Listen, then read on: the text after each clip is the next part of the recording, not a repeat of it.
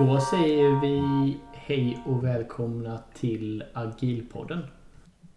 Avsnitt 80. Ja, avsnitt 80 är det faktiskt. Det börjar bli en del nu. Helt otroligt. Ja, faktiskt. Jag tror vi har utlovat en Sverige-turné kring... Du har utlovat en Sverige-turné kring avsnitt 100. Ja, men det lär väl vara rimligt. Då borde hela den här covid-19 situationen vara över och vi borde kunna resa runt om 20 avsnitt faktiskt. Så ja, Kan det kan vi väl hålla då. Absolut. Ehm, Du håller jag. alltid dina löften. Ja. det låter bra. Vi ska säga det. Du som brukar eh, lova mycket saker heter Erik eh, och jag heter Dick. Och det är vi som är Agilpodden. Ja. Och du vill säga något mer? Ja, jag skulle egentligen bara säga att dagens avsnitt kommer vara handla om agilt lean production. Och det Ja. kommer sig egentligen ur att eh, eh, du och delvis jag har läst då eh, en bok som heter The Toyota Way som är liksom en, liten, en klassiker ändå egentligen. Ja, Så det är nog det. Så vi tänkte ta en, en grabb, en stab, vad säger man? Vi tänkte ta en, ett grepp på det idag egentligen. Mm. Eh, Hela, hela den boken och såklart kopplingen mellan lean och agilt då. Ja. Ehm, men vi kanske ska börja med att tacka såklart eh, Lexus för att de är med oss och, och gör den här podcasten möjlig. ja, verkligen. Och vi ska också ta och tacka Informator. Ehm, hur ska man göra om, om man vill gå en kurs på Informator, Dick? Då går man in på agilpodden.se så klickar man på informatorloggan. Då kommer man till ett härligt kursutbud med allt möjligt. Och eh, i dessa tider är det viktigt att påpeka att det går ju verkligen att gå kurserna på distans också. Eh, så väljer man någon kurs där och när ni anmäler er så skriver ni agilpodden i kommentarsfältet. Mm. Så tack till både Lexus och till Informator för att ni är med oss och gör den här podden möjlig. Eh, innan vi hoppar in på dagens ämne så, Ja, vad händer då? så måste jag göra en liten spaning. Eh, och jag, vi, vi pratade om detta som snabbast. Jag var tvungen att ringa dig så fort jag såg det. Bara för att jag tänkte att det här, det här har ju något. Eh, men vi sa att vi sparar själva huvudanalysen till, till podden. Nej men jag tänkte på det just, vi pratade ju med Siri Vikander för något avsnitt sen här om agilt ledarskap och Anders Tegnell och sättet Sverige Mm. gör nu på att att inte införa då starka restriktioner och förbud och, och stänga ner saker utan mer ett liksom informativt eh, ledarskapssätt och sen hoppas man då helt enkelt på att folk följer det och liksom använder sitt förnuft och översätter det i sina egna eh, ageranden då helt enkelt. Ja. Ehm, och det, det, det stämmer ju liksom så här. Men då tänkte jag på det för jag var handlade nämligen. Och så, så, in, så kollade jag bara vad kostar en plastpåse liksom. Det kostar en 7 kronor då. Ja. styck liksom. Och så stod Ja. det en sån här liten lapp. Inte, som inte nog att priset är helt sinnessjukt högt för en plastpåse. Så stod det också en liten lapp där det stod mer skatt lika med mindre plast. och, eh, och, och då tänkte jag liksom på en gång så här, vänta nu. Det här är ju då helt tvärt emot såklart eh, Tegnells ledarskap med information, eh, lägga över agerandet på individerna, inte restriktioner och straff och så vidare. Här har man Ja. verkligen tagit, tagit en helt annan liksom, ledarskapsapproach. Eh, ja, precis. Jag funderar jättemycket på det sen du pratade om det och även pratat med andra om det. Det är ju liksom egentligen om man tänker efter när man ska göra den sortens förändringar i människors beteende. Så kan, eller jag tycker mig kunna urskilja att det finns tre stycken urtyper av eh, metod.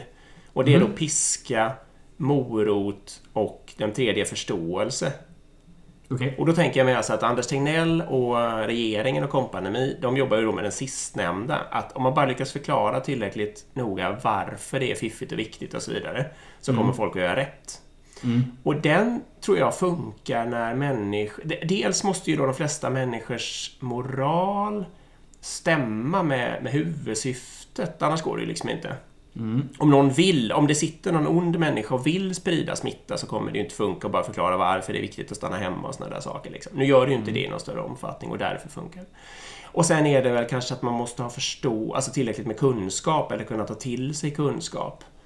Eh, I tillräcklig omfattning också.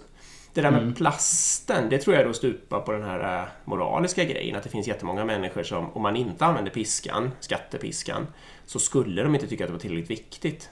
Nej. Därför väljer man att gå loss på den. Liksom. Sen finns ju morotsscenariot också.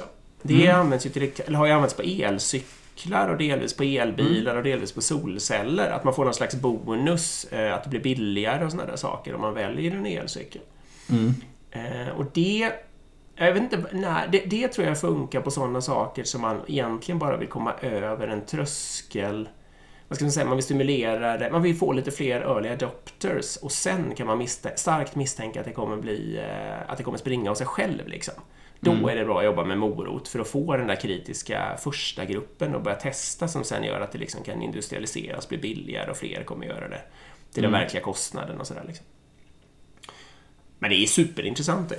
Ja men det är ganska intressant. Men om vi skulle bara göra en tankemodell här då. När ska man använda vad? Skulle man kunna säga så liksom att man mest troligen i det här Mm. scenariot så borde du kunna använda den här metoden liksom. Kan man göra så? Eller beror det för mycket på för många faktorer? Men jag tror det beror på några faktorer. Då är det just det här med om man har ett gemensamt intresse som kanske då kretsar kring en moral och sådär. Eller om man inte ens har det. Det är ju en tidig vattendelare. Och sen det där med om man ska använda morot eller tvång. Det kretsar nog just om man är ute efter att hela populationen ska förändras. Eller om det är mer att, ute efter att en, en grupp av early adopters liksom ska komma Mm. igång med förändringen och sådana där saker. Morot funkar när man bara vill ha igång någon form av rörelse då. Ja, precis. Men jag, menar, det är klart man, kan, man skulle kunna dra plastfrågan. Men då, man kan säga att man kanske är för sen då. Hade man börjat för 10-15 år sedan och så hade man haft sin early adopter som slutade med plast då. Då hade man kanske fått resten av svansen att följa med nu liksom. Men om man Mm. tycker att det är bråttom då kanske det inte är någon jätte... Kanske man inte kan göra så liksom. Nej Ja, precis. Nej men det Det är kommer intressant. nog lite figurer på det här i vår ledarskapsbok tror jag. Ja vi får nog tänka på det här mer känns det som. För det, det, Ja. det har ju någonting det här liksom. När ska man använda vad och varför? Ja. Jag tycker också det är intressant om, man- om man ser hela populationen som en grupp liksom. Och så kollar man på mognadsgraden som ett average liksom, i frågan. Mm.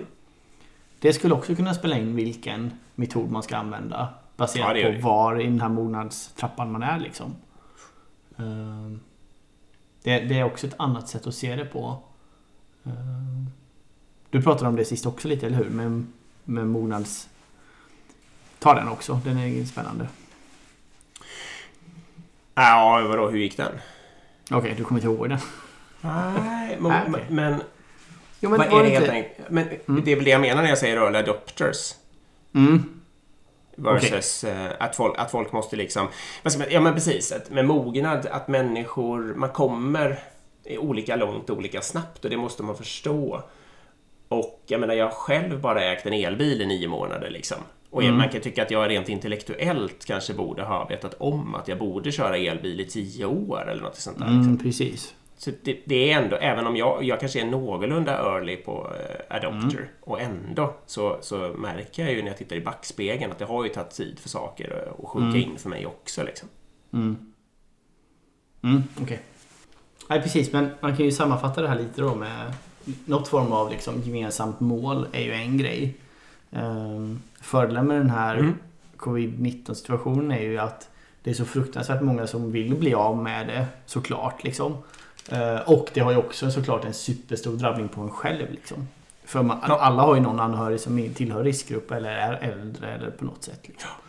Så det gör ju att man får så otroligt gemensamt mål att det här vill vi bli Mm. av med. Liksom.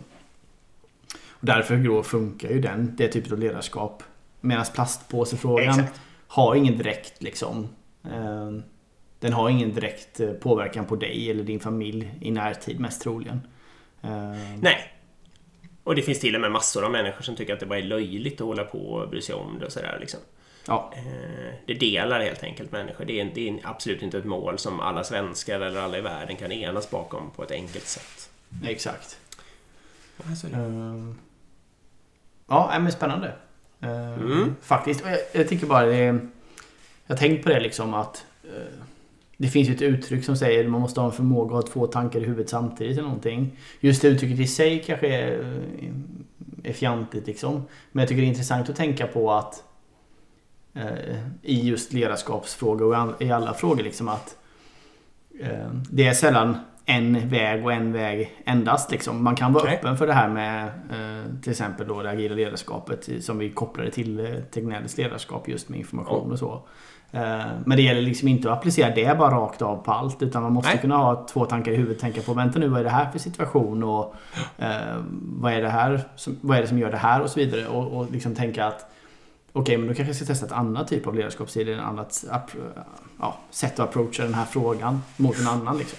Eh, Det tycker jag är ganska Ja, intressant att försöka tänka på det. Att man, man måste ha... Det är lätt att man alltid man går i samma hjulspår som man har gjort liksom, i Ja. många frågor. Eh, Prova med samma kokbok eller samma verktyg för alla sorters Ex- problem till exempel. Exakt. Ja, det är klassiskt. Eh, För man vet bara att det, har funkat innan eller det här tror jag på. Liksom. Att våga bryta ut det och göra någonting annat. Det, det, det, det är spännande. Okej. Nog om den spaningen. Nu hoppar vi in på dagens, eh, dagens ämne. Det blir ju lite du som får lära mig här. Du, alltså, vi ska ju säga det då att du är ju lite till att börja med vår lean-expert i, i den här... Lean-nörd. Ja. Ja. Chief Lean ja, Officer skulle du vara. Eller är du kanske då i vårt bolag. Jag tänker ju mycket på lean när jag ska ladda diskmaskinen eller när jag ska välja när jag ska köpa nästa kaffepaket och såna där saker. Så att ja, absolut. Jag är ju lean-nörden. Det, det Ja, har jag, helt är, rätt jag älskar ju grejerna teoretiskt men jag är ju helt värdelö- värdelös på det praktiskt. Jag är ju sån här till exempel att ska jag liksom spika i 250 skruvar i en planka eller spikar. Ja. Slå i spikar och spikarna ligger 3,5 meter bort. Då går jag ju fram och tillbaka 350 gånger och hämtar liksom.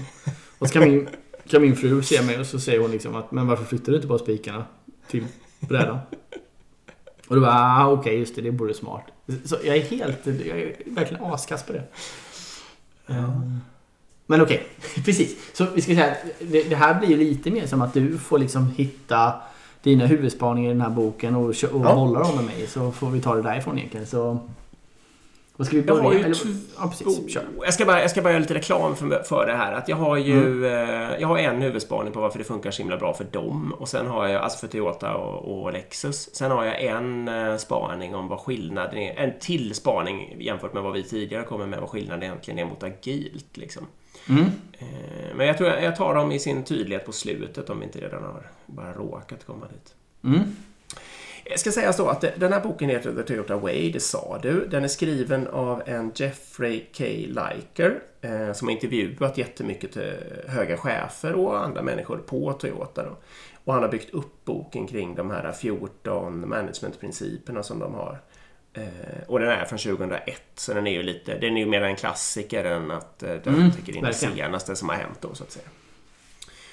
Eh, Och han är amerikan, så mycket av kontexten är från USA, de amerikanska fabrikerna och sådär förstås. Ehm, Ja, var ska vi börja någonstans? Vad är det mest, vad har du svårast att förstå med Toyota? Nja, det finns väl en del i och för sig. Det som jag tycker är spännande är ju ledarskapsbitarna såklart. Ska vi börja där kanske? Ja, det kan vi ta. Hur tror du eh, Toyota gör när de ska tillsätta en ny hög chef? Eh, till, använder Oj. de en rekryteringsfirma då och eh, dammsuger marknaden på de mest framgångsrika kvartalsekonomicheferna? Antagligen inte. Jag skulle tro att det är mycket internt. De har säkert massor med intern rekrytering. Ja, nästan var. Ja. Eh, och, och då är ju logiken i det är ju helt enkelt att hela deras kulturbygge, det kretsar, det kretsar kring väldigt mycket saker, men det kretsar ju väldigt mycket kring att förstå den egna verksamheten och förstå vad som är viktigt och förstå Toyota-kulturen och så vidare. Och då tänker de helt enkelt att det kan man liksom inte, man kan inte komma utifrån och lära sig det på några månader, utan man måste vara odlad i företaget för att, för att ha en chans där. Liksom. Mm. Eh, och därför är nästan all chefsrekrytering intern då. Mm. Jag kan Det tänka det. två- Det finns ju Ja, såklart vissa nackdelar med det också. Alltså det är ju det här... Ja, det men det är, det är lite som hela lean-biten. Alltså ständiga förbättringar, kontinuerligt förbättringar, små, små, små, förbättringar hela, hela tiden. Eh, Det blir lite samma fenomen som, som med det här liksom att om man skulle vilja göra en, en jättestor pivot, jag vet inte det svenska ordet för det, men en förändring kanske. Eh, Man, man behöver ändra affärsmodell, man behöver ändra arbetssätt, man behöver vad som helst. Man behöver, liksom ins- man behöver ta bort sitt projektkontor och införa en, en agil systemutvecklingsorganisation istället. Liksom.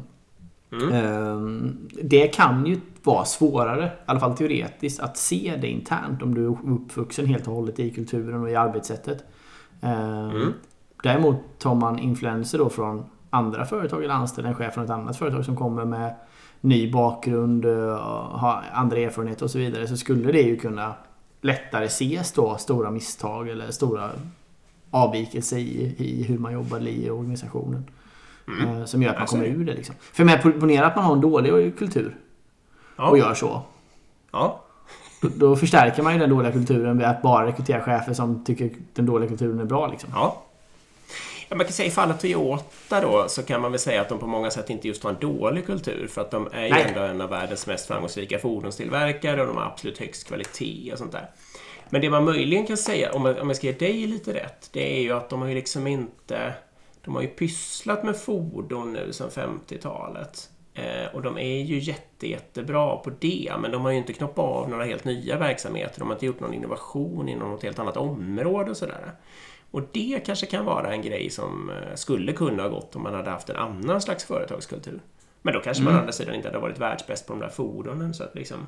Nej, visst, jag håller med. Och det, det, var inte, jag menar inte såklart att Toyota har en dålig kultur. Men jag menar, om vi tar ett, ett traditionellt eh, produktionsbolag någonstans i världen som liksom har kört som de alltid har gjort. Liksom. Eh, om de skulle och, och, och sen har de en, dessutom en dålig kultur där de bara, ja, vad som helst de tjänar pengar men det är alla som jobbar där vantrivs liksom. Ja. Skulle de applicera det, det, det, samma kulturtänk bygge som Toyota eh, med just intern rekrytering så skulle de ju teoretiskt kunna få problem då. Absolut. Men om vi fortsätter lite på ledarskapet. Mm. Eh, då är det precis, de odlas ju inom företaget då. Det kretsar ju väldigt mycket på att ja, men förstå kärnverksamheten. Eh, det finns någon, jag kommer inte ihåg vad han heter, men det är någon gammal legend, någon gammal Lean-legend, eller Toyota Way-legend då, som eh, har någon adept. Och så går de, eh, så säger väl den där adepten att han vill bli bra på liksom, produktion eller på någon viss grej.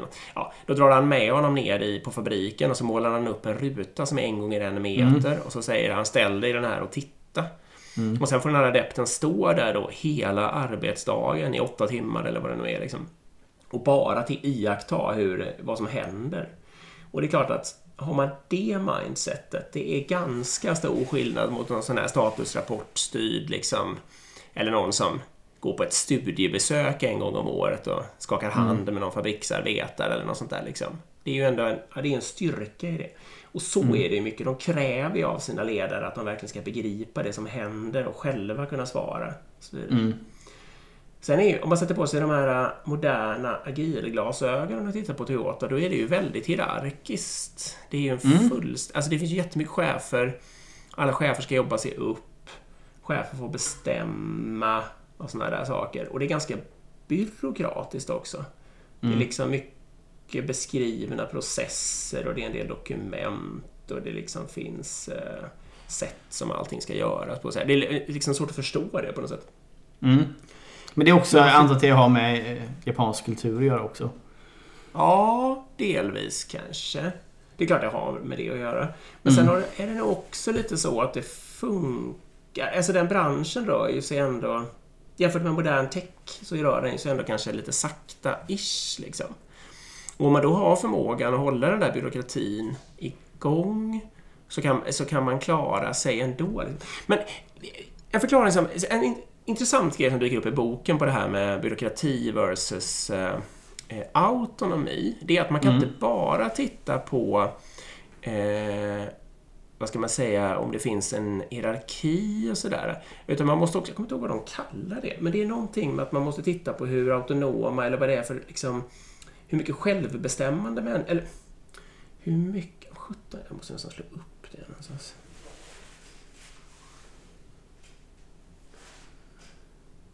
Jo, om man tittar på det på det här sättet. Eh, I den här boken finns det en kul fyrfältare då. Eh, och då har man byråkrati på den ena axeln. Mm. Men sen så har man någonting som de kallar coercive, jag tror att det betyder ungefär styrande, eh, versus enabling på den andra axeln.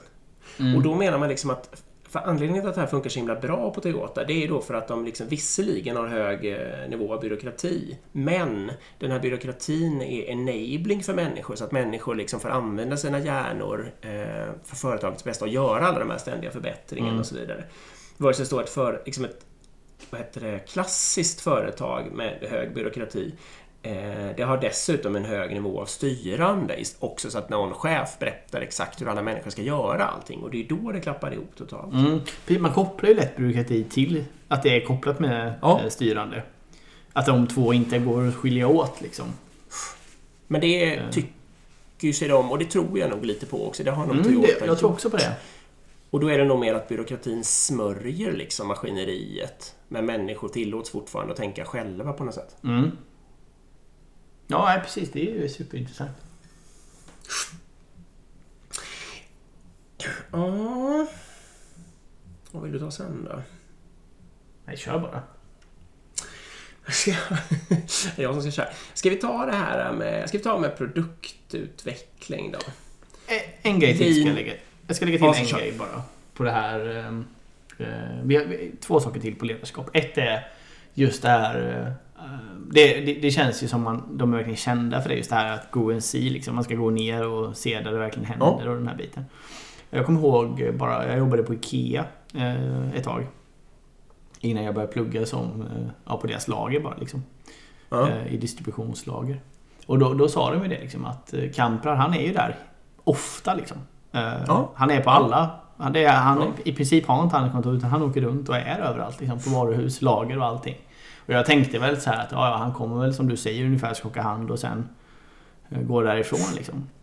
Men på den tiden jag var där, och det var inte, det var inte många, det kanske var fyra, fem, sex månader eller någonting totalt jag var där och jobbade. Så tror jag han var där tre eller fyra gånger.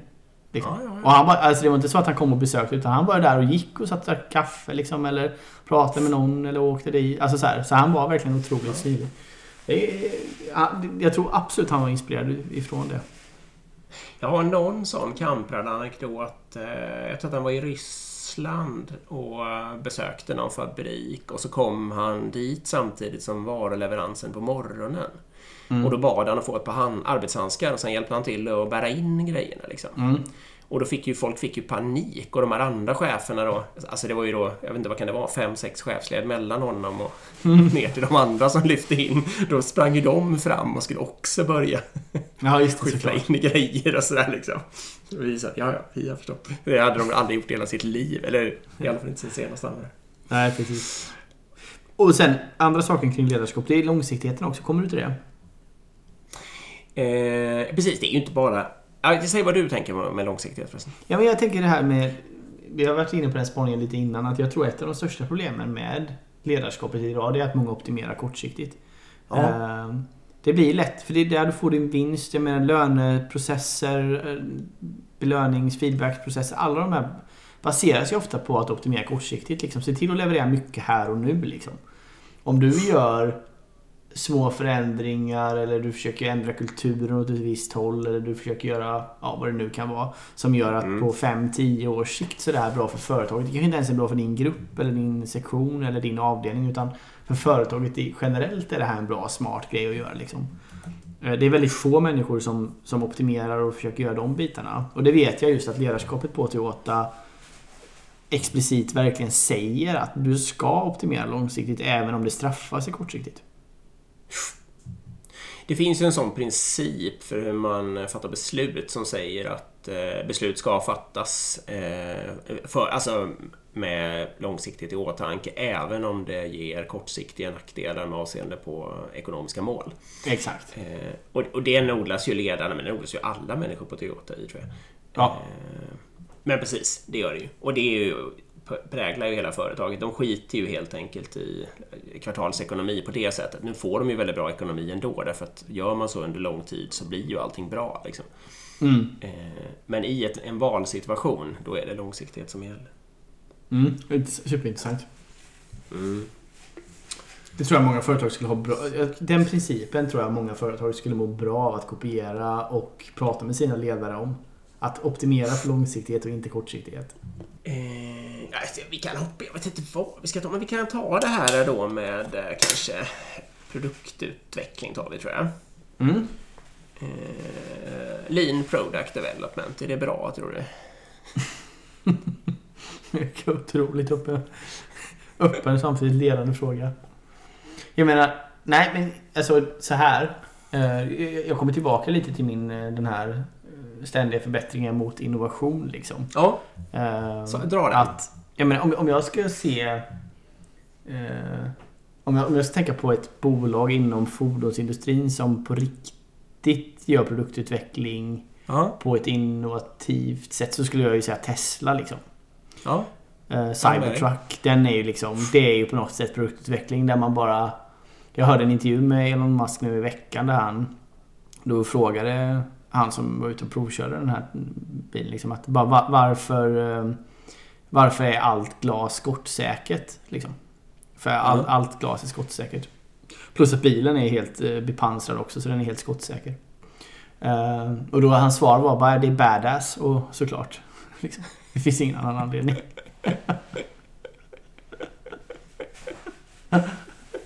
ja ganska roligt. Det här är, det är ganska kul. Eh, Nej precis, så på så sätt så skulle jag inte säga... Ur det innovationsperspektivet så skulle jag inte säga att produktutveckling är deras absolut starkaste eh, punkt. Liksom. Nej. Precis. För att eh, om jag nu ska vara lite så här eh, så känn, tycker jag ju då, alltså utifrån allt jag vet om Toyota och utifrån att ha läst den här boken så tycker jag ju precis som det du säger nu att eh, den sortens innovation är de inte bra på. Och sen är jag också extremt fascinerad över att de är bra på en annan sorts innovation. Mm. Eh, och, och det är det vi skulle kunna försöka bena ut vad egentligen skillnaden är. För att som du säger, om man plötsligt vill ha en... Eh, ja men precis, om man överhuvudtaget vill få fram en elbil som helt plötsligt har lika lång räckvidd som de flesta eh, liksom vanliga bensin och dieselbilar och, och, och ta jättestor marknadsandel med den och ha ständiga uppdateringar over the air av mjukvaran och alla de här sakerna. Liksom. Det, det är ju inte heller Toyotas stil på något sätt. Nej. Men om man däremot så här kanske då, om vi tar eh, de här två andra exemplen som man någonstans in på 90-talet så här eh, känner att eh, okej, vi har fastnat här i de här segmenten, alltså lite enklare bilar och eh, lite mindre bilar och det verkar finnas en ganska stor eh, segment som innehas av, eh, ja men säg Mercedes och BMW och de här liksom. Mm. Hur ska vi kunna ta oss dit? Lyxigare, större bilar så här. Ja, men då får de någon slags sån här, vad ska vi säga, hela organisationen får någon slags pannbenskänsla nästan då. Så, så här, vad är vi bra på? Ehm, då så, försöker, de börjar ju, Toyota är ju väldigt, väldigt kundcentrerat, så de börjar ju med att analysera kundernas beteenden och behov väldigt, väldigt mycket då förstås. Försöka förstå Mm. vad är det egentligen som liksom, vad är det för egenskaper de här kunderna är ute efter som väljer de här bilarna idag som inte väljer Toyota. Och så får de en bild av det. Och så ser de ju då att, ah, okej, men om man vill möta de här, eh, då måste, till exempel då hög topphastighet eller något sånt där. Eller tyst bil eller något sånt där. Då är ju det hela tiden på bekostnad av något annat. Mm. Eh, Så till exempel hög topphastighet eh, leder kanske till större bränsleförbrukning. Tyst bil kanske också leder till större bränsleförbrukning för att man slänger in mer isolermaterial och grejer och får sämre aerodynamik och sånt. Mm. Eller snygg bil kanske i alla fall leder till högre bränsleförbrukning. Och då gav de sig liksom 17 på- De satte alla mål. äh, Nu är ju det här, det här är ju början på Lexus-projektet som jag håller på att prata om då. Mm. Alla målen de satte, de satte dem som både och-mål. Så man ska Mm. både då ha en, en jättefin design och bra aerodynamik. Vilket liksom anses vara oförenliga eller mål som går åt olika Mm. håll. Då. Det är ju innovation. Eller för den delen, ja det är innovation ja. Eller för den delen eh, hög topphastighet eller bra prestanda eh, och låg bränsleförbrukning. Mm. Eh, sen använder de då Toyotas liksom fascinerande det här, eh, det här fem varför. Vi kan gå in lite mer på det sen också. Men att man Mm. istället för att bara försöka lösa ett problem där man står så ska man fundera på varför har det här uppkommit? Och så ska man liksom trycka sig eh, uppåt i värdekedjan då. Eh, så att man liksom hamnar... Ja, man, man löser det verkligen, verkligen i grunden. Och det använder de väldigt mycket i produktutvecklingen av Lexus. Mm.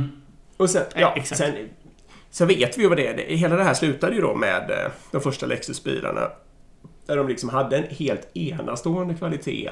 eh, Och eh, hade just fått bilar som ändå stack ut i det här att de eh, uppnådde många av de här egenskaperna som lyxbilsmänniskor liksom ville ha.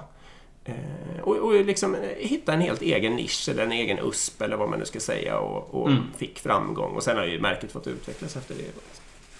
Det är en slags precis. innovation. Ja, verkligen. Ja, exakt, verkligen. Och, och jag menar, det beror ju också på vad, vilken typ av produktutveckling vi pratar om. Liksom. Ja. Ehm, för en, är ju då den, såklart den innovativa produktutvecklingen. Men sen finns det ju det här produktutvecklingen att be, bibehålla otroligt hög kvalitet i alla generationers bilar. Liksom. Om man tar Ja, Corollan liksom. Hur stabil har den varit i hur många år liksom. Så på så sätt Ja, är det ju sant. Otroligt imponerande och häftigt liksom. Ehm, Jag ska ta den andra innovationsgrejen bara. Det var då Ja. också, tror jag, någonstans på 90-talet. Eh, så ställde man sig frågan hur ska en bil se ut en bra bit in på 2000-talet? mm. Eh, och då började de också så här, då gjorde de de här miljöspaningarna och det liksom att eh, vi ska nog inte ha den här bränsleförbrukningsnivån och sådär och vi kanske vill ha annorlunda utrymmen och liksom det är en del saker som man ändå i grunden borde förändra. Mm. Sen jobbade de ju då mycket med, de jobbade faktiskt mycket med big room planning och sånt där. De hade något rum Mm. eh, där alla de här disciplinerna möttes varannan dag. Det finns ju någon sån här Chief eh, Engineer, det är väl som en eh, Product Manager av något slag på en väldigt hög nivå. Då. Mm. Som liksom håller ihop alltihopa. Han har, eller hon för den delen har inga, ingen formell makt över alla människor. Det är också lite likt Product Manager. Mm. Men, eh, men jag har ett väldigt, känner ett väldigt stort ansvar för alla egenskaperna då, liksom att få slita igenom organisationen och sådär. Eh, och sen när de är på då, så vågar de ju liksom... De väntar jättelänge med att bygga fysiska prototyper. Så de liksom finslipar massa saker, för att det, sen går det ju svårare att ändra saker efter det. Mm. Liksom. Så de skjuter besluten framåt, framåt, framåt. Jämför med de här egenskaperna hela tiden. Sliter jättemycket. Eh, och sen märker de ju då någonstans i slutet av produktutvecklingen att den kommer bli alldeles för dyr och sådär tror jag. Eller om de Mhm. visste det ett tag. Eh, men då bryr de sig inte om det utan tänker att det tar vi på teknikutveckling senare. Mm. Och det här resulterade ju då i de första Priusarna där någonstans i slutet på Just det. 90-talet. Eh, som, jag vet inte, jag för mig att jag hört i svenska kronor då ungefär att de kostar en halv miljon att tillverka. Eh, och de sålde dem för ungefär 300 000 för att få igång det hela. Så Mm. de sålde varje bil med en rejäl förlust. Liksom. Och då, det är ju, nu är vi tillbaka på det här. Då har de ju tänkt jätte, jättelångsiktigt. Mm. Eh, och sen är ju Prius en, annan- en annan gigantisk eh, försäljningsframgång liksom, som har gjort enorma intäkter. Och dessutom är ju all tekniken som odlades fram där med Prius, det är ju den som finns nu i jättemånga av alla de andra bilarna som de säljer exakt. idag. Liksom. Med hybridtekniken framför allt. Men Ja, det är ju, det är ju superinnovation alltså, verkligen. Ja, exakt. Men, det, men det som skiljer det mot det här ditt Tesla-case, det är ju ändå att det är någon form av eh, lite mer nötande innovation. Det är liksom en Ja. modig, långsiktig, nötande innovation som baseras på all kunskap som man har. Mm. Teslan är ju en lite mera galen, upp och galen. ner. Ja, exakt. Mm. Det är intressant ändå. Mm. Det är verkligen en skillnad. Ja, det, så är det ju verkligen. Ja, men så, så min, mitt svar på det här med lean eh, produktutveckling är väl att det egentligen inte är... Vad ska man säga? Det är egentligen inte Toyota... Det är egentligen inte en lean-fråga tycker jag. Utan jag tycker att ett sånt superföretag med en sån superstark kultur som Toyota, de har ju en jättebra produktutveckling. Mm. Men jag skulle inte kalla den för lean liksom. Ja, Okej, spännande. Jag tycker inte det är det riktigt som... Ja. Ja, Ska vi, behöver vi säga någonting lite mer om lean, vad är det? Har, nu har vi hoppat rakt in i andra frågor här. Ska vi... Nej, jag tror... eh, Ja. Visst. Vad tycker du? Ja, men jag drar den här Ford, eh, Ford-spaningen. Ja. Eh, Toy- Toyota, det var ju några Toyota-chefer som tidigt, det var ju medan Henry Ford levde då, så jag vet inte vad det kan ha varit, 30 Mm. 40-tal kanske. Eh, som var och hälsade på där och så såg de ju då att Henry Ford, han försökte ju få sådana här kontinuerliga materialflöden men det lyckades inte riktigt. Mm. Eh, och det berodde, det berodde på alla möjliga saker men han fick inte med sig sin organisation liksom på något sätt. Mm. Och, men då de här japanerna som var där och tittade, eh, de förstod liksom att om man kan få någon slags flöden eller kontinuerliga materialflöden med väldigt, väldigt lite eh, buffers, alltså mellanlager och sådana där saker. Mm. Då, kan, då, då kan man troligtvis liksom eh, bygga bilar med, med mycket mindre resurser och sådana där saker. Liksom. Och så tog de hem det. Sen var ju, tog ju det ganska lång tid. Alltså de utvecklade ju det först på hemmamarknaden i massa år och sådär. Mm. Innan det liksom slog igenom och blev någon slags superstandard inom tillverkningsindustrin. Mm. Men jag vet inte. Lean, lean i sitt nötskal, det bygger ju på något sätt på att man hela tiden skalar bort slöseri. Man undviker lager. Man har Mm. gärna pullsystem, alltså att eh, när någonting eh, börjar ta slut eller är slut, då, då, drar man, då får man en ny eh, leverans och sådana där saker. Liksom. Mm, exakt. Eh, när någon är klar med en viss grej, då levererar de den och då drar de själva till sig nästa grej och börjar bygga på den och sådana där saker. Mm. Det är liksom på något vis grundtankarna i lean. Mm. Visst, och det, det rimmar ju till då som du säger mer produktionssystemet än produktutvecklingen liksom. Exakt. Nu börjar du faktiskt närma dig min, eh, den här eh, spaningen. Här. Mm. Ehm, Vi låter det vara en cliffhanger.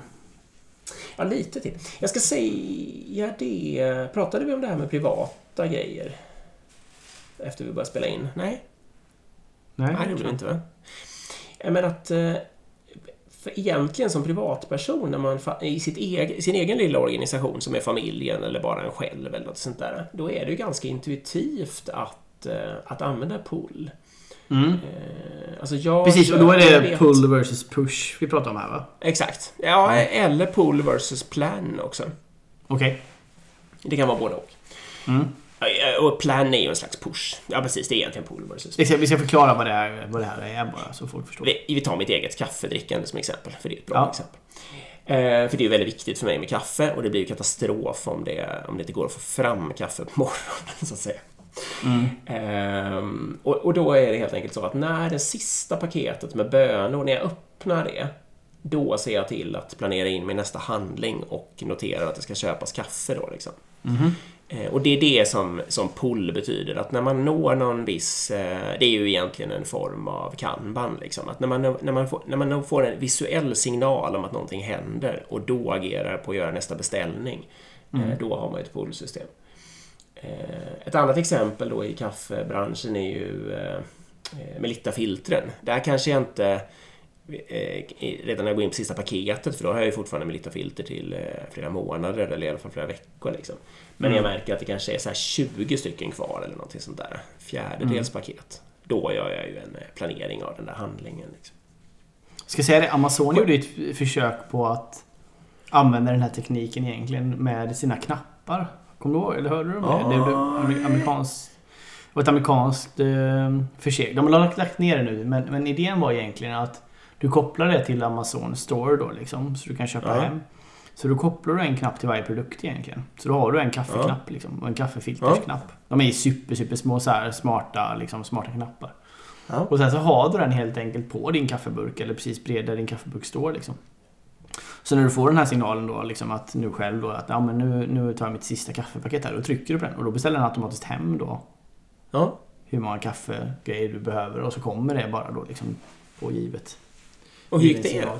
Nej, det gick inte. Nej, det, folk använder det framförallt för tvättmedel och sånt var det jag läste om. Ehm, Ja. Men jag tror att... Sällan. Eh, ja, precis. Jag tror, och sen tror jag också att det blev för mycket eh, knappar liksom. Du har rätt mycket produkter i ett kök och Mm. sådär. Så, mm. Men det, det, Ja, tanken i sig är ju, det är ju, det är ju egentligen en automatisering av pullsystem. Liksom. Ja, exakt. En automatisering av mitt eget system för kaffeåterfyllnaden till exempel. Precis. Japp. Eh, nej, för att det, det man ska förstå då är ju att skillnaden hade ju kunnat vara lite olika. Det hade ju kunnat vara att jag satte mig i början av varje månad eller något sånt där och skulle planera hur mycket kaffe som ska köpas och kanske la beställningar på det. Liksom. Det hade ju varit ett push-system. Då. Eller är det kanske ändå värre att jag försökte hålla ordning på vad jag hade för förbrukning av kaffe över lång tid och skapade ett abonnemang som bara pushade ut kaffe till mig. Liksom. Eh, oavsett om jag hade druckit upp det eller inte. Eh, och det skulle ju både kunna vara då att jag helt plötsligt bara fick ett större och större lager av kaffe. Eller så skulle det ju kunna vara att jag drack ovanligt mycket kaffe någon viss månad och så tog det slut istället så jag inte hade något alls. Vilket skulle vara en ännu större katastrof för övrigt. Och det är ju ett lätt sätt att förstå. Och det ska sägas också att varför, i alla fall som jag tänker med det här, varför det ofta blir sådana här push-system i eh, specialiserade organisationer. Det är ju för att man har det här silotänket. Någon är ansvarig för kaffelogistiken. Och för den är det ju fiffigt att göra de här beställningarna. Den, kan, den inköparen kan pressa priserna för man har stora volymer och da, da, da, da, da liksom. Ja, men all, all den här klassiska skiten. Eh, och, så, men, men för den som är konsumenten av den där grejen, och det kan ju även vara en, en skruv i produktion, liksom, så är det inte alls bra att det kommer någon gigantiska lastpallar med sådana där skruvar som bara står på gården eh, och Nej. tar plats och kostar pengar. Liksom. Eh, Men det är enkelt för den som liksom är ansvarig för att... eh, för- ja, till exempel om man sätter incentivmål då för de här inköparna av skruv, att de ska pressa ner priset så mycket som möjligt. Då blir ju det deras naturliga beteende. Ja visst, absolut. Sen, jag har tänkt mycket på det här med push och pull också just eh, utifrån hela skyddsutrustningsfrågan i, till sjukvården. Ja, Det är Så- absolut största, den absolut största anledningen varför Sverige saknar så otroligt mycket skyddsutrustning det är just på grund av den anledningen att man har implementerat det här lean-tänket i att vi beställer hem när det finns ganska Ja. lite mängd kvar liksom. Och blir det då en, en eh, pandemi som det blev i detta fallet, vilket är såklart otroligt ovanligt, eh, så var ju det en ganska olycksam metod om man jämför med grannländer då som har ja, ett säkerhetslager på x antal hundratusen av varje sån här grej som gör att händer en sån här grej så är de självförsörjande och kan minska sin smittning då. Ehm, men, men visst, det är ju såklart ett extremfall men det är ganska intressant just att eh, eh, att i det, i det fallet så blev det ju verkligen inte bra. nej. Och Toyota har ju också haft, det tar de också upp i boken, de har ju haft leverantörer som har drabbats av brand och såna där saker. Eh, och då, blir, då kan det ju på riktigt bli problem. Då kanske de jobbar med någon buffert så här, alltså leverantören av säten drabbas av en brand och så har de bara buffert på ett eller några dygn. Liksom. Sen kommer hela fabriken att stanna. Ja. Men det de gör, det funkar kanske inte om det är en världskris, men om det är en, en regional kris eller någon, för den delen en leverantör, ja, då går ju de in och tittar, alltså då använder de ju hela, alla sina muskler helt enkelt och försöker lösa frågan. Helst hos den leverantören om det är möjligt, liksom. Ja. men annars får de ju titta på någon annan lösning. Liksom. Eh, Och då är de beredda Precis. att ta den nackdelen. Säg. Det, det, är, det är en lösning. Den andra lösningen på det problemet är ju att, eh, att aldrig ha en leverantör av en produkt utan alltid ha två. Mm, precis. Och sen får man då försöka hjälpa den, den stackaren som, som får alla ådrar då att skala upp. Och då kan man hjälpa med typ egen personal och sånt. Liksom. Mm. Exakt. Eh, ja, en jämförelse med agilt är ju att de jobbar, de kallar det Muri och det handlar om att inte överbelasta system eller människor då, utan att man liksom ska eh, liksom ha lagom mycket att göra eller vad man ska säga och att ett system också inte får, man kan liksom inte trycka in för mycket arbete i ett system utan det ska liksom, man ska hela tiden kolla att det kommer ut. Poolsystem blir ju sällan överbelastade. Ehm, och det liknar jag väldigt mycket vid Sustainable Pace i, eh, i en agil mjukvarukontext. Mm. Eh, Det är samma sak, man ska liksom inte försöka stressa fram stora leveranser, sådana saker. Det kommer inte hålla i längden. Nej. Eh, ut- Utan man ska liksom ha, ja, jobba så fort så att det känns behagligt och så att man fortfarande kan vara kreativ och smart och hålla det tempot under lång tid och så vidare. Precis, det kommer, in, det kommer också in på det här långsiktiga tänket liksom. Att har man inte sustainable pace så kommer inte, då kommer inte organisationen bli bra långsiktigt. Utan man, man kan ju jobba ihjäl sig och kortsiktigt få ut kort, korta leveranser. Men mest troligen kommer inte de vara bra heller. Nej, exakt. Eh, En annan sån här princip är ju, som säkert många känner igen, då, Jidoka. Eh, Det Mm. man ska ha, det kan översättas på olika sätt, men till exempel inbyggd kvalitet eller kvalitet vid källan. Mm. Det var, det var en sån där sak tror jag som var helt avgörande när de skulle få fram Lexus. Eh, Det tar de upp i boken också. Eh. Att, det liksom, ja, nej men liksom att om man vill ha en sån bil som på riktigt är helt outstanding i kvalitet och som märk, liksom märker ut sig från konkurrenterna, då tjänar man ju på det. Att om man har ett kvalitetsproblem så gör man ingen fix på det, utan då funderar man liksom uppåt i, i kedjan. Vad är det egentligen det här beror på? Mm. Ja, det är otroligt. Ja. Eh, De har en rolig, I boken här så finns det en rolig tes då som går så här att i Europa och USA så förstör saker som ISO 9000 kvalitetsarbetet. Man Mm. gömmer sig bakom komplicerade regelverk och tror med därmed att de följs. Så att liksom om man gör ett jättekomplicerat kvalitetssystem, Ja. liksom, då tänker man att man skulle få perfekt kvalitet. Men i själva verket är det ju ingen som klarar av att läsa, eller ingen och ingen, men det är få som klarar av att läsa och följa det där på riktigt. Och istället så har man ingen aning om vad kvaliteten blir. Liksom. Nej. Och det där är ju otroligt sant. Och det där kan vi översätta för mjukvaruindustrin via att desto mer du satsar på att ha testteam och kvalitetsprocesser för alla och, och så vidare och så vidare. Desto sämre kvalitet kommer du mest troligen få. Ja, nej men exakt. Eh, på Vad gör man istället då för att... Ja, precis. Då är det fyra saker som en kvalitetsperson egentligen har att tillgå då. Och det är ju eh, eh, go and see, alltså titta. Mm. Analysera situationen. Eh, använd One Piece, Flow och Andon för att eh, få upp problemen till ytan. Mm, det får vi Helt enkelt. Ja, One Piece Flow är ju helt enkelt att eh, eh, om, om man hela tiden har att en produkt flyttar sig liksom varje gång den är färdig. Man jobbar inte med batchar helt enkelt. Man gör inte klart liksom, tio stycken och så flyttar man dem. Och så där. Eh, Då kommer man direkt att märka om man har ett kvalitetsproblem. Liksom. Och om, man, om, man, om det märks då på nästa station, då står det inte nio stycken som har fått samma kvalitetsproblem. Utan då, då håller man på och bygger en sån. Eh, andon, det är ju då att alla har rätt att stoppa hela det här produktionsbygget eh, när de märker ett kvalitetsproblem så att man direkt kan åtgärda det just istället för att det byggs liksom 10 eller 100 enheter till med samma fel och så ska man gå in och rätta allihopa i efterhand. Och det är intressant då för i ett sånt här produktionsflöde så är det ju verkligen så att i ena änden så är liksom i princip första balkarna till bilen. Mm. Eh, liksom grundstommen på något sätt liksom, som kommer in. Och på slutet av den här linan, samma lina liksom. Som mest troligen så sätts nyckeln i och så körs bilen därifrån liksom. Mm. Av en fysisk person. Och då får man tänka då att på hela den här värdekedjan då, där det finns hundratals stationer mest troligen, där varje station då på samma tid också i och med att det här bandet rör sig konstant eh, applicerar sina produkter. Så kan vem som helst stoppa linan och då stannar allt. Ja, inte direkt, men ja. Man, man har delat in det oftast, det här kan man göra på olika sätt, men de flesta Toyota-fabriker är indelade i sektorer då. Så att om man drar andon så finns det liksom en slags lokal hjälp först som kommer komma springande. Eh, och då stoppas arbetet i ens eget närområde och alla hjälps åt där. Och så har man någon form av buffer eller hur det nu funkar då som gör att man inte stoppar resten av allt arbetet i hela fabriken. Men om det sen hinner gå, det är ju inte, det är inte många minuter eller liksom, inga långa Exakt. tider vi pratar om. Då kommer ju hela att stanna sen. Liksom. Ja. Och så kommer alla hjälpas åt att lösa.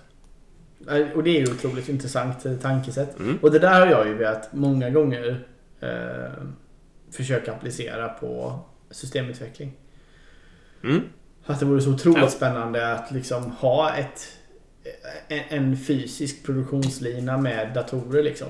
Eh, och Mm. så kommer det in ett problem liksom. Eh, och så försöker man lösa det hela vägen ut till att faktiskt i sista delen leverera det till kund liksom. Eh, men verkligen. där alla jobbar på sina delar. eh, Transparent och öppet liksom. Så det är, synligt vad alla gör. Men alla jobbar på sina delar. Och så finns det möjlighet att dra i, ja, i andra knapp liksom. Eller andra linan. Mm. Det, skulle vara, det är en spännande tanke i alla fall. Nu ska vi se. Ja, verkligen. Jag, jag var mitt i, eller jag var inte alls mitt i, men det var en sak kvar. Och det sista verktyget nämligen som den här kvalitetspersonen har, det är de här fem varför som de jobbar med. Då. Mm. Eh, och enklaste exemplet, ett sånt här känt exempel, jag vet inte om det är påhittat, men det används i alla fall i linutbildning. Det är helt enkelt så här... Eh, det läcker, det är olja på golvet i fabriken. Varför? Eh, ja, ja, precis. Varför då? Ja, det är en packning som läcker. Eller först och främst då skulle man ju, om man var helt, om man inte alls funkade på det här viset, då skulle man ju torka upp oljan. Ja, okej. Vad är den änden? Ja, exakt. Eh, och så bara fortsätta med sitt arbete. Liksom. Eh, men varför då? Ja, det är en packning som läcker. Ja, då kan vi byta packning. Eh, det hade ju varit att ställa sig ett varför. Men varför läcker den då? Eh, den verkar ha för låg kvalitet då. Eh, varför har den för låg kvalitet? Och, och då kan man komma till det här, eh, ja den är felspesad av eh, liksom att avleverera, eller av eh, den som har spesat den, av inköp. Liksom. Eller Mm. det funkar. Konstruktör eller vad det nu kan vara. Mm. Konstruktör, exakt. Och då skulle man kunna tänka sig att man, eh, att man stannar där och bara ändrar specifikationerna. Där, liksom. Nej, varför är den det då? Ehm, ja, då är det att inköp har pressat priserna på den här eh, så himla långt. Ja, varför har de gjort det? Ja, det är för att de har ett bonussystem så att de följs upp på hur mycket de sänker priser varje år. Mm. Och vad drar då ett företag som Toyota för slutsats av hela den där kedjan? Mm. Jo, då ska de ändra bonussystemet för inköparna. Exakt. Det är resultatet av den här oljefläcken på golvet. Mm. Och det är, jobbar man... Ja, du fattar. Ja, men det är en otroligt bra metod och jag kan säga jag har själv använt den flera gånger vid incidenter i systemutvecklingsvärlden och det är, det är superintressant alltså att det, det är en svår övning, man måste öva på det och det är otroligt mycket bättre om man har en som faciliterar det, som kan metoden och har gjort det innan. Eh, som hjälper till liksom att verkligen borra i det här. Men det är, det är ett otroligt effektivt, irriterande effektivt bra sätt att många gånger komma till rotorsaken. Vad är det som Ja. faktiskt egentligen har hänt liksom? Eh, precis. Men sen gäller, gäller det då att våga liksom det då, om man ska ändra det där bonussystemet. Min Mm. chef frågade för sjutton mig häromdagen, det var ju så himla roligt att få dra en sån då, för då frågade han mig varför vi hade haft, ja, helt enkelt, va- varför hade vi intermittenta kvalitetsproblem i ett av de systemen som min organisation gör? Eh, och då så svarade jag, det beror på att eh, infrastruktur har gjort en managed service av databashanteringen. Mm. Eh, och det var ju just för att jag hade gjort en liten sån, jag hade inte gjort så här superstrukturerat, men jag och en gemensam bekant till oss hade gjort en liten sån snabb analys.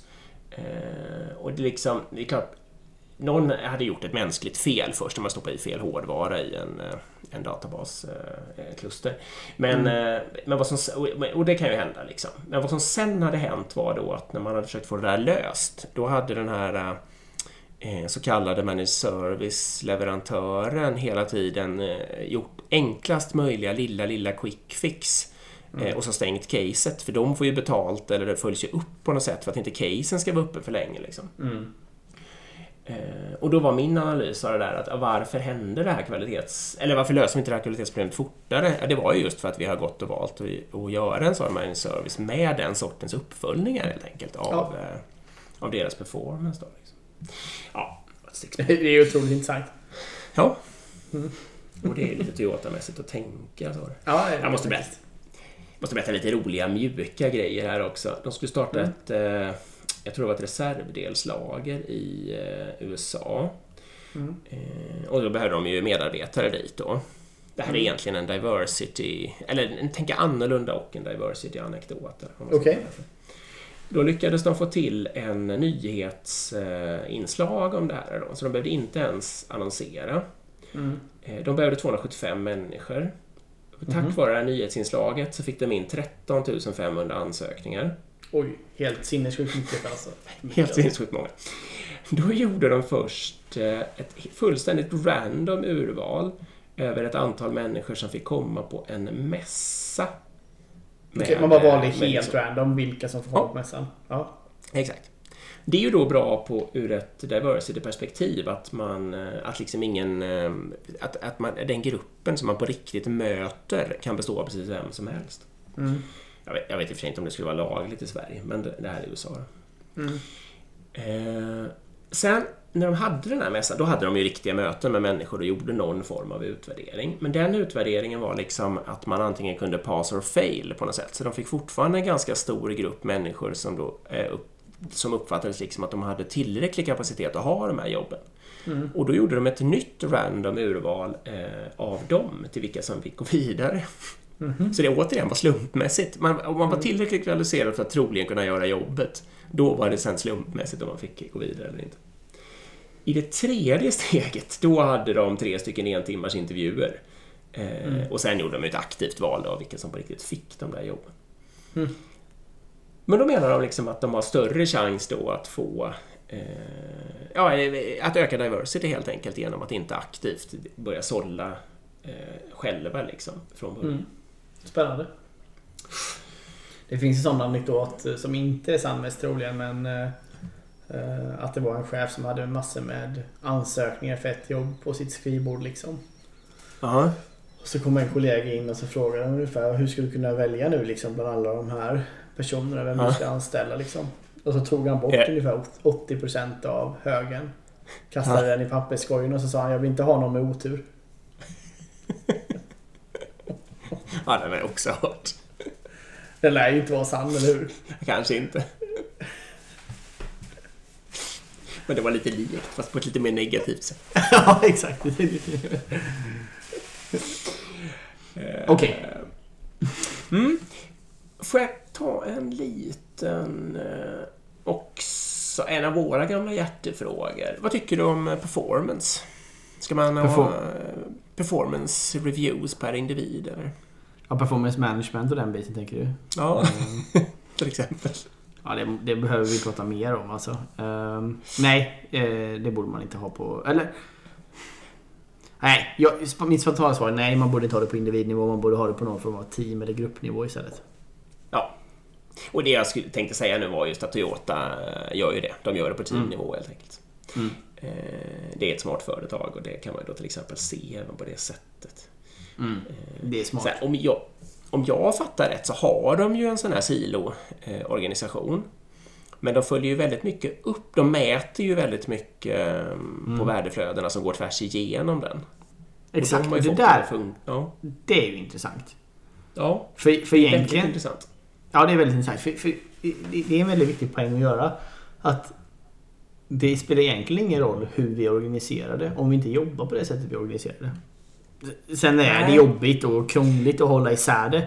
Och det kanske Ja. inte finns någon direkt anledning att varför ska vi hålla isär det. Men, men teoretiskt är det ju så liksom att det spelar ingen roll om alla testare på det till en chef och alla backendutvecklare till en och Nej. alla, så vidare. Om man följer upp och jobbar i crossfunktionella team liksom. Ja. Eh, Sen så kommer det där skapa suboptimeringar som inte är gynnsamma för det och så vidare mest troligen. Men, men det är ändå det är en superintressant tanke.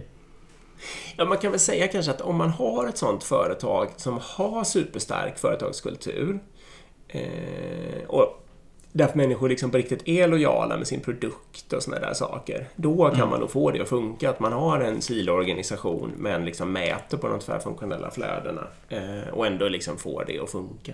Mm, Men om man däremot ja, har en svagare företagskultur och tar in mycket ledare som tänker att nu ska jag optimera mitt lilla kungarike här och så vidare. Mm. Ja, då funkar det förstås inte. Nej. De jobbar... Vet du hur stort ett beslutsunderlag får vara på Toyota? Nej. En A3. En sida. Ja. Ja, exakt. Allting ska få plats på, eh, så, så, sån här, eh, på ena sidan av en A3. Och jag tror de gick över till A4 sen. Det stod i alla fall i boken att de funderade på det. Det heter Lean Canvas Board eller sånt där eller? Ja, kanske. Eh, och då ska man liksom... Den informationen som man inte kan klämma in på den där, den är liksom inte värd att ta med i det här beslutet. Och det verkar ju då leda till på något sätt att de arbetar igenom det här materialet jätte, jättenoga. Liksom. Eh, man blir väldigt, väldigt försiktig med vad man tar med förstås och hur mycket man tar med. Eh, Och sen blir det ju då möjligt för precis vilken människa som helst att sätta sig in i hela beslutet på ja, en halvtimme eller 20 minuter. Vad kan det ta att läsa och förstå en, en eh, späckad eh, ena sidan av en A? typ? Nej men det går ju fort och speciellt om de använder ju samma mall för alla så man vet ju vad man ska leta efter. Jo, exakt. Nej och det är intressant. Jag, jag, eh, intressant. jag avslöjar inte vilket företag men jag pratade med en kompis som eh, Ja. Jobbar på ett företag och då hade de skickat ut då liksom deras någon form av liksom agila kontor eller way of working office eller vad det är liksom sånt där. Och de Ja. hade liksom skickat ut att så här ska så här ska vi försöka göra planeringen liksom. eh, Ja. för närmsta kvartal på teamnivå och alla nivåer uppåt, och liksom på företagsnivå och så vidare också. 37 sidor powerpoint-presentation om hur det ska gå till. Och det, det är liksom... Ja, och då, då är det ju så här att om den presentationen behöver vara mer än två slides Ja, så behöver man göra om allt från början liksom. det har man ju något problem med. Ja. Fruktansvärt eh, roligt. De jobbar också, det ska jag säga också, de jobbar med eh, eh, stretched goals faktiskt. Eh, både för Ja. arbetsgrupper och projekt. Så de kör lite OKR-style där och då har de just det här, eh, de har ju det här färg, det här trafikljus då, så att om man kommer Mm. under 50% måluppfyllnad så är det rött eh, och så är det grönt över 90 och så är det gult däremellan. Då. Mm. Men att de ändå, de jobbar inte med sådana hårda mål liksom där ja, alla ska Nej. uppnå allting. Ja, Det tyckte jag var kul. Precis. Faktiskt. Det som skiljer OKR är ju där egentligen att om man ska läsa det via Googles definition så är det ju egentligen att 90 till 100 är ju nästan gult också. Ja, det är för, då har man ju satt det för lågt. Exakt. Helt sant. Men annars är det ju samma tänk jag. Mm. Ja, för, förbättringarna ska utföras av den som på riktigt utför arbetet. Det vet nog de flesta människor. Det är Eh, en vet grundprincip i din som är fantastisk. Ja, och den är ju väldigt mycket, jag menar en helt vanlig retro är ju ett exempel på att man tänker precis likadant. Liksom. Eh, vad tror du att de gör med alla de här människorna som blir över efter alla sina effektivitetsförbättringar? Ombildar mest troligen. Ja, exakt. Framförallt vad de inte gör. De ger dem ju inte sparken. Nej. Eh, ja, vet du varför förresten? Kulturbiten. absolut... Ja... Men det är det absolut sämsta med att ge människor som är borteffektiviserade sparken. Ja, det är ju att folk, att, att folk slutar optimera. Exakt. Så att om man vet det liksom att eh, okej, om vi gör det här 10% bättre nu, då kommer var tionde människa av oss inte ha jobbet kvar liksom nästa Mm. år. Då blir man ju ganska obenägen att göra det helt enkelt. Mhm. Eh, och det här är ju en väldigt stor skillnad på Toyota-tänk och, och random amerikanskt eh, effektiviseringstänk. Liksom. Mm. Eh, nej, så därför är de ju, de sparkar aldrig någon eh, i stort sett. Så att liksom, eh, just av den här anledningen att det är värt det att omskola och, och flytta eller liksom hitta lösningar på det här. Bara därför att de vet att all vår framtida eh, förbättring är avhängigt av att alla vet det här. Nej, jag tycker Mm. det är. Det är helt fascinerande. Och, och då, alltså, man ska ju säga, vara tydlig med det att det är ju antagligen inte så att i det enskilda fallet att alltid är värdefullt att omskola en underpresterare till något annat och så ska den Nej, personen underprestera det området också. Liksom. Men, men det är just på återigen långsiktigt och helheten liksom. Så lönar ju det sig definitivt. Ja. Vet du vad Perfect Attendance Club är för någonting? Nej, jag har ingen aning. Det är så jävla skönt. Det är också någon grej då. Eh, Det är ju bra att, alltså med hög eh, eh, frisknärvaro liksom och, och att människor Mm. tar ansvar och kommer i tid och sådana där saker. Och det kan man jobba med alla möjliga piskor och sånt där förstås och straffa människor som kommer för sent eller som inte är på jobbet. Liksom. Mm. Men på, någonstans på Toyota då så hade de Perfect Attendance Club och det var helt enkelt att om man hade en närvaro som var större än en viss procent då fick Mm. man komma på någon jättefin middag en gång om året. Mhm. Eh, och, och, och liksom ja, få en riktig treat på något sätt. Morot Kanske, alltså. Jag vet, inte. ja, en- riktig morot. Och, så, och, och då var det ju framförallt, eh, jag vet inte, det var inga stora pengar tror jag, utan det var ju mer liksom äran att höra till den här Perfect Attendance Club. Mm. Eh, och det var skit, jag har inte skrivit upp det, men det var en hög procent av alla människor som gjorde det också. Mm. Alltså som var medlemmar i Perfect Attendance. Precis, det, det måste bara vara helt av helt rätt anledning. För det- risken är att folk inte tar sjukdagar eller föräldraledigt eller Mm. och vet, Det är sant. här grejer om man Det får man säga. på det. Men, och därför får får det inte, som du säger, det får helst inte vara det här lyxgrejen. Det är inte det som ska avgöra utan det ska vara mer Nej. att det blir en, en gemenskap man vill vara med i på något sätt.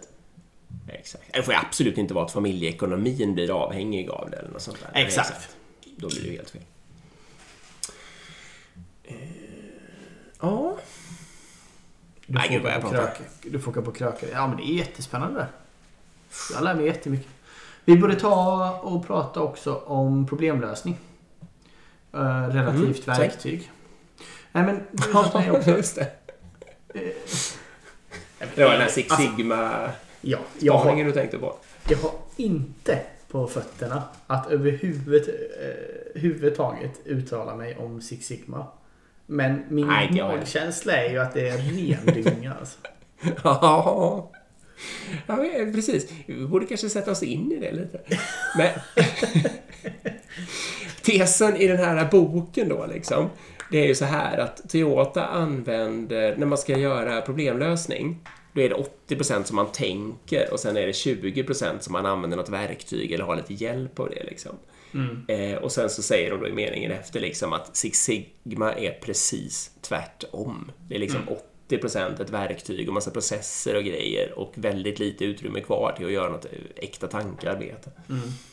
Och då kan man ju säga hej Safe, hej ITIL, hej projektledningsmodeller Exakt. och så vidare och så vidare. Det är bara, det är bara att ladda upp dem på rad så kan de alla gå in genom den dörren liksom. Radda upp dem och skjuta ner dem. Det är kul att kunna såga saker som man inte har en enda aning om vad det är. Man Ja, bara har en känsla. Ja, absolut. Men nu är jag inne på Six Sigma. Ehm, att det är kul att kunna skjuta ner någonting som man inte har... Men, men om det är någon som är liksom, någon som nu är som lyssnar då, som är helt inne i det här och tycker det här är fantastiskt bra eller bara har en neutral åsikt om det, om det så hör, hör gärna av er. Kan vi Mm. diskutera lite om det. Det var superspännande. Mm. Ehm, ja.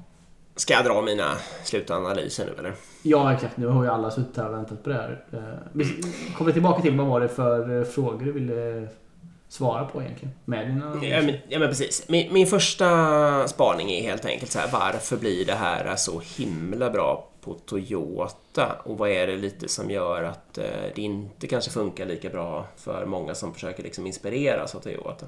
Mm. Och det är liksom att de har en helt outstanding förmåga att hålla sig till enkelhet och disciplin. Så att om de på något sätt har bestämt att de ska göra någonting, då gör folk på riktigt det genom hela organisationen. Och de kan liksom få, alltså få alla att ställa upp på det och stå bakom det och göra det dag ut och dag in och sådär. Och det tror jag inte är så många organisationer som har den förmågan. Nej. Och det andra är just det här att de, de, de går aldrig i den där fällan att föra in något komplicerat skit och verktyg och automatisering och robotar och whatnot. Liksom, utan de håller sig till det enkla. De har hela beslutsunderlaget på de där A3. De ställer sig de där fem varför. De ser till att visualisera de få mätetalen som de har. Liksom. Allting är hela tiden så himla enkelt. Mm. De gör en box på golvet där de får ställa sig liksom. Ja, precis. Jag tror att det är det som gör att, eh, att just Toyota... Så det är liksom inte bara att kunna ha det här tankesättet som skapar lean, utan det är också bygga den här organisationen som förmår att hålla, hålla kvar enkelheten och hålla disciplin i det år ut och år in. Gud, om, om, om, ja, ja, om vi skapar ett företag. Vi har ett företag. Vi kanske borde när, göra... vi, när vi expanderar vårt företag. Ja, vi kanske ska säga det också. Att vi har skapat ett aktiebolag. Ja. Ehm, Säg det. Ja, vi har skapat ett aktiebolag ehm, för helt enkelt bedriva den här podden och våra böcker och föreläsningar och så vidare. Ehm, och då har vi såklart valt ett väldigt seriöst och viktigt liksom, namn eh, för att vara Exakt. repre- re- representativt vår viktiga och otroligt eh, Verksamhet. värdefulla verksamhet. Exakt. Så eh, namnet är då den gyllene enhörningen AB. Exakt. Så Dick är alltså eh, Chief Unicorn Officer.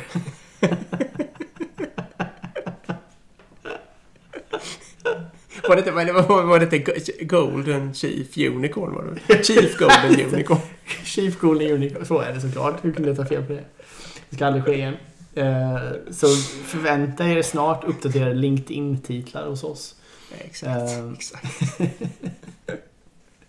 Nej, och, men jag skulle säga det att eh, jag är inte helt enbart för att man ska ha värdeord i organisationer och så vidare. Men om vårt första värdeord som du och jag ska ha i vår organisation. Ja. Det är ju sim simplicitet. Ja. Eller simplicity. Ja. Ja. Keep it simple. Alltså det gäller ju vad du än ska göra liksom. Att ska, Ja. du, ska du deklarera det på här, men det är just då kanske var dumt men. ska du liksom eh, sätta upp nya processer, ska du utveckla någonting, ska du Mm. vad som helst. Försök hålla det simpelt alltså. Mm. ja, man går lätt bort sig. Eh, nej, och min andra spaning efter att ha läst den här boken, det är Mm. ju då det är att komma tillbaka till det här. Vad är skillnaden på lean och agilt? Precis, vad är vår första... Vad, Exakt. Vi har ju ett svar på det, som vi brukar använda när vi föreläser och sådär. Och det är ju den här, det är fyrfältaren som du har nog satt upp någonstans. Att ehm, eh, agilt svarar liksom på caset när man har låg volym eh, av någonting, men stora eh, oförutsägbarheter liksom. Stor variation. Då är det bra med en agil kultur för att man liksom förmår att hantera det då. Exakt, det, är inte så många, lean- det, är inte, det är inte så många kodbaser som är så lika varandra liksom, om man tänker. Nej, exakt. Så varje problem är unikt liksom. Och varje program man skriver skriver man ju liksom bara en gång. Eller alltså varje funktionalitet man skriver skriver man normalt sett bara en gång. Så Oftast det ja. finns Mm. få styckstillverkningar. Eh, Medan lean då löser det omvända kombinationen, nämligen att man har hög volym eller någon form av förutsägbarhet. Eh, och, och, då tjänar man liksom på att bete sig på lite andra sätt och föra in en, en eh, lean kultur. Liksom. Varje mm. arbetsmoment är lite likt. Eh, Komplexiteten är lite lägre. Exakt.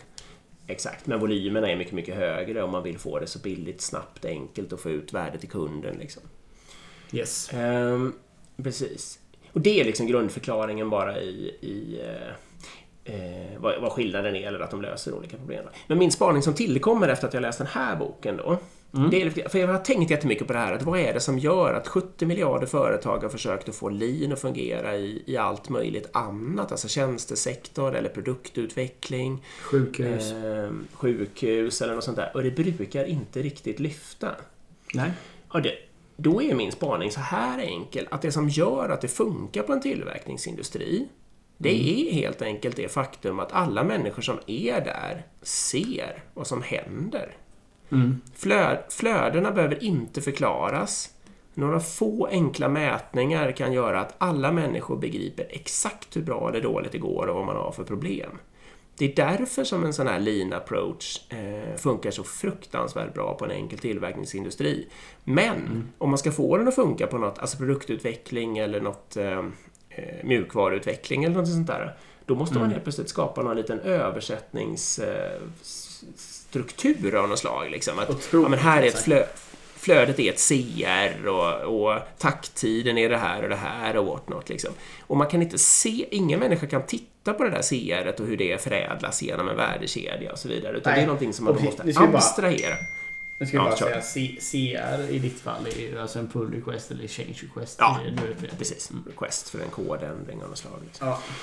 Uh, och, och, och, det är det som gör, och då faller, när det är enkelhets och visualiseringsgrejen, när det kriteriet liksom har fallit bort och man måste lägga massa tid och energi på att liksom återskapa det via översättning och så vidare, då är det helt enkelt inte fiffigt längre. Nej. Det är min spaning på varför det är. Otroligt intressant. Tack. Du är ett geni. Ja, nej, jag vet inte. Men det var en bra bok. Eller, jag ska säga också att om ni läser den här boken, men ni får ju ha lite, alltså det, man, man ska ju ha en liten dos eh, tålamod och sådär. Den, är ju lång och det är mycket och komplicerat och sådär liksom. Mm. Så att den är ju till för entusiasten. Det ska jag ju göra en liten eh, varning för. Annars Exakt, och så som jag har läst. Jag har inte, du har ju verkligen läst den från perm till perm liksom. Ja, eh, jag, jag har ju mer gjort så att jag har tittat på olika principer som jag tycker är intressant och så har jag scrollat och kollat, finns det några exempel? Vad säger den här? Och så går jag vidare liksom. Um, så det är också ett sätt att läsa den på. Men absolut, den, vi får väl absolut ta och rekommendera den. Um, men jag tycker det är väldigt intressant. Det man, jag blir genast sugen på att testa den tesen eller principen som du säger. Alltså det, för det du säger egentligen är så här att om vi i ett sjukhusflöde skulle kunna få produktionskedjan visuell så skulle linjen ja. ta fart. Liksom. Ja, det tror jag faktiskt också på riktigt. Mm. Och jag tror också på riktigt att på den Gyllene Enhörningens sjukhus så skulle vi nog ha ganska mycket lean, eh, alltså element av lean-kultur liksom i olika mm. patientflöden och sånt där. Jo, det tror jag. Mm. Eller att, vad säger jag, skulle, jag menar kommer förstås. Ja, såklart. Eh, ja, ja men jag kan känna mig klar där. Ja, jo jag tror det. Vi Eh, det går att prata hur mycket som helst om det här såklart. Men det är väldigt, ja, väldigt intressant. Väldigt intressant. Jag, ska, jag, jag, känner att jag själv har fått nya funderingar i huvudet som jag måste marinera lite. Eh, ja, gör det. Vi får återkomma. Och precis, alla ni som lyssnar nu också, om ni har funderingar kring det här så får ni jättegärna mejla in på agilpodden eh, gmail.com. Mm. Eller gå in och följ oss på Instagram. Där finns vi under agilpodden. Um, så, eh, och har ni övriga frågor eller någonting så är det verkligen bara att höra av er. Vi tycker det är jättekul när ni, när ni visar att ni finns. Mm. Eh, och sen så tar vi då helt enkelt och tackar er för att ni lyssnar. Vi tar och tackar ja. Informator för att ni är med oss. Ja. Vi tackar självklart Lexus för att ni är med oss. Ja. Eh, och sen så hörs vi helt enkelt i framtiden. Precis. Det gör vi. Tack, tack. Hej. Hej.